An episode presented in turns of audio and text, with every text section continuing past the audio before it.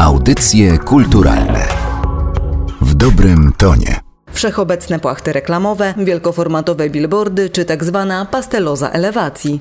Coraz więcej mieszkańców polskich miast zwraca uwagę na elementy szpecące ich najbliższe otoczenie. Największy wpływ na wygląd przestrzeni publicznej mają władze samorządowe. Dlatego to przede wszystkim do nich Narodowy Instytut Dziedzictwa kieruje kampanię Krajobraz mojego miasta. Akurat teraz mamy wakacje. To jest dobry przykład na to, że podróżujemy. Podróżujemy po Polsce, po Europie, po świecie i widzimy, jak to w innych krajach zostało rozwiązane i jak wracamy do Polski, to często widzimy pewną różnicę. I ta różnica przede wszystkim już w nas uderza po przekroczeniu polskiej granicy, kiedy to przy drogach ekspresowych, krajowych widzimy natłok właśnie wielkoformatowej reklamy. Czasami świetlnej, czasami stojącej bardzo blisko pasa ruchu drogowego, ale im bliżej miast, to widzimy natężenie tych reklam jeszcze większe. Violetta Łabuda-Iwaniak, rzecznik prasowy Narodowego Instytutu Dziedzictwa. Chodzi o to, że ten chaos reklamowy, który jest wszechobecny, w tym naszym otoczeniu takim dużym, przestrzennym, przy autostradach, przy dużych aglomeracjach i przy tych małych miastach, a nawet wsiach, zaczyna nam dokuczać, zaczyna nam doskwierać, ponieważ wolelibyśmy mieć taki ład przestrzenny, uporządkowany, żebyśmy mogli podziwiać na przykład architekturę, całe urbanistyczne założenia. Natomiast te reklamy nieusystematyzowane no, zaburzają zdecydowanie naszą widoczność. Jak przygotowywaliśmy film Krajobraz mojego miasta, odwiedziliśmy 44 miejscowości, duże i mniejsze miasta.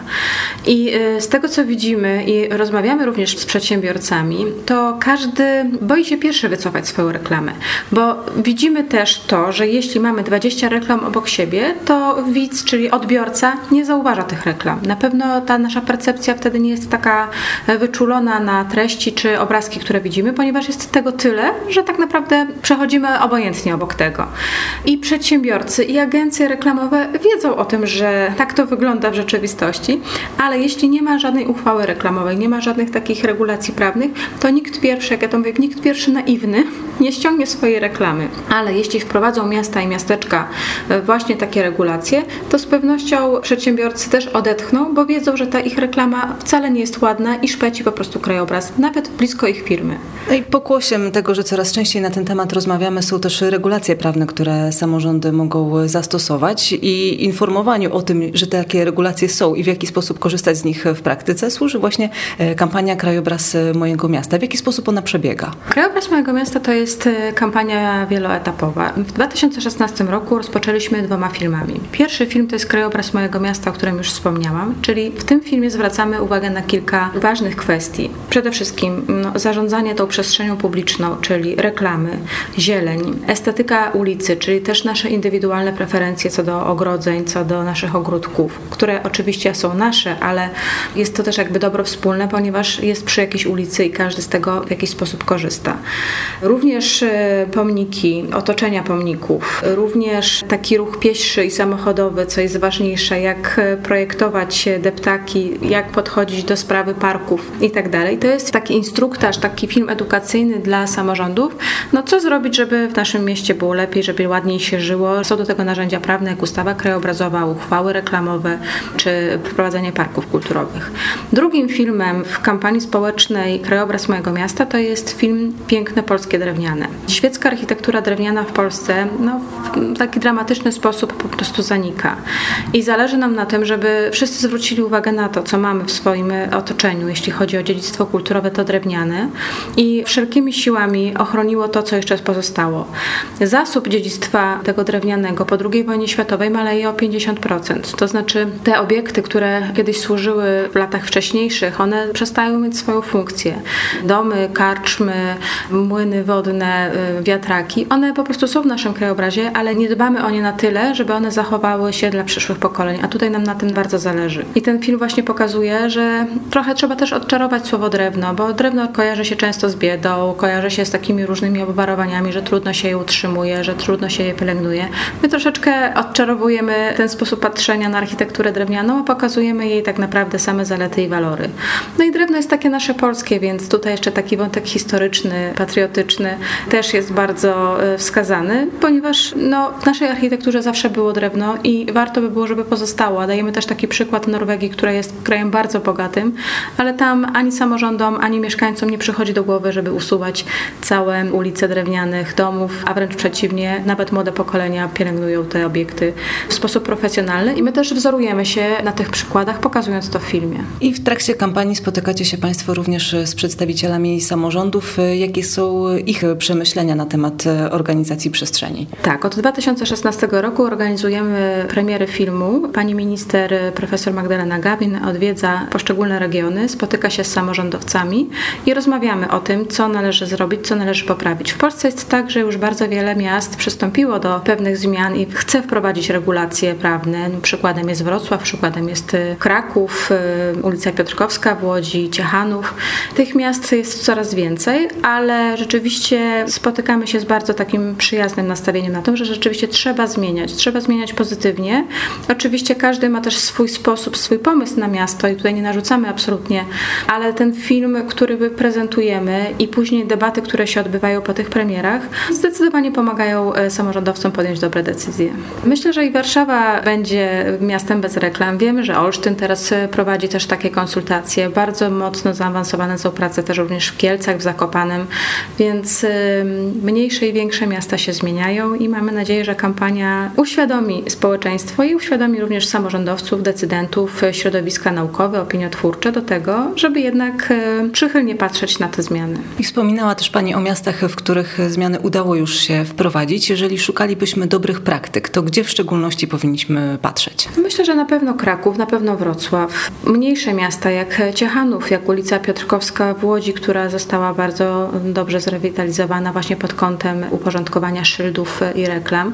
Myślę, że przejeżdżając przez Polskę mamy bardzo dużo dobrych przykładów. One są oczywiście jeszcze nie w pełni wprowadzone, to nie są obszary wielkie, ale też do tego e, skłaniają parki kulturowe, żeby wprowadzać parki kulturowe na swoim terenie. Tych parków kulturowych w Polsce teraz jest ponad 20, więc e, no, coraz więcej w tym kierunku e, się zmienia. I też widać, że samorządowcy widzą, że jeśli obiekty są zadbane, że jeśli te ulice są przestrzenne, czyste, jest jakiś zamysł, jest jakiś pomysł na to, to też oczywiście przyciąga i więcej turystów.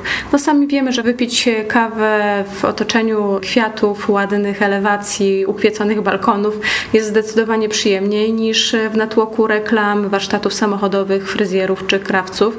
Oczywiście tutaj nie chcę dyskryminować żadnej grupy zawodowej, ja tak po prostu daję takie przykłady, bo i hipermarkety duże i jakieś sklepiki osiedlowe się reklamują, ale jeśli wszystko uporządkujemy, bo absolutnie nie chcemy zakazać reklamy, tylko chcemy, żeby ona była uporządkowana.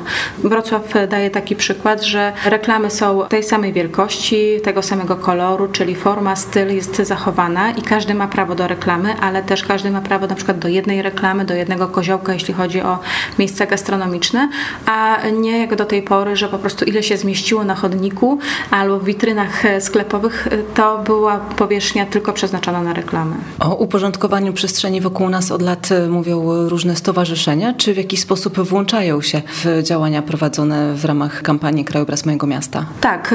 Y, organizując konferencje prasowe w poszczególnych miastach, spotykamy się z mediami. Na te spotkania i z dziennikarzami, i również z samorządowcami przychodzą organizacje pozarządowe, którym leży na sercu właśnie poprawa tego wizerunku i estetyki miasta.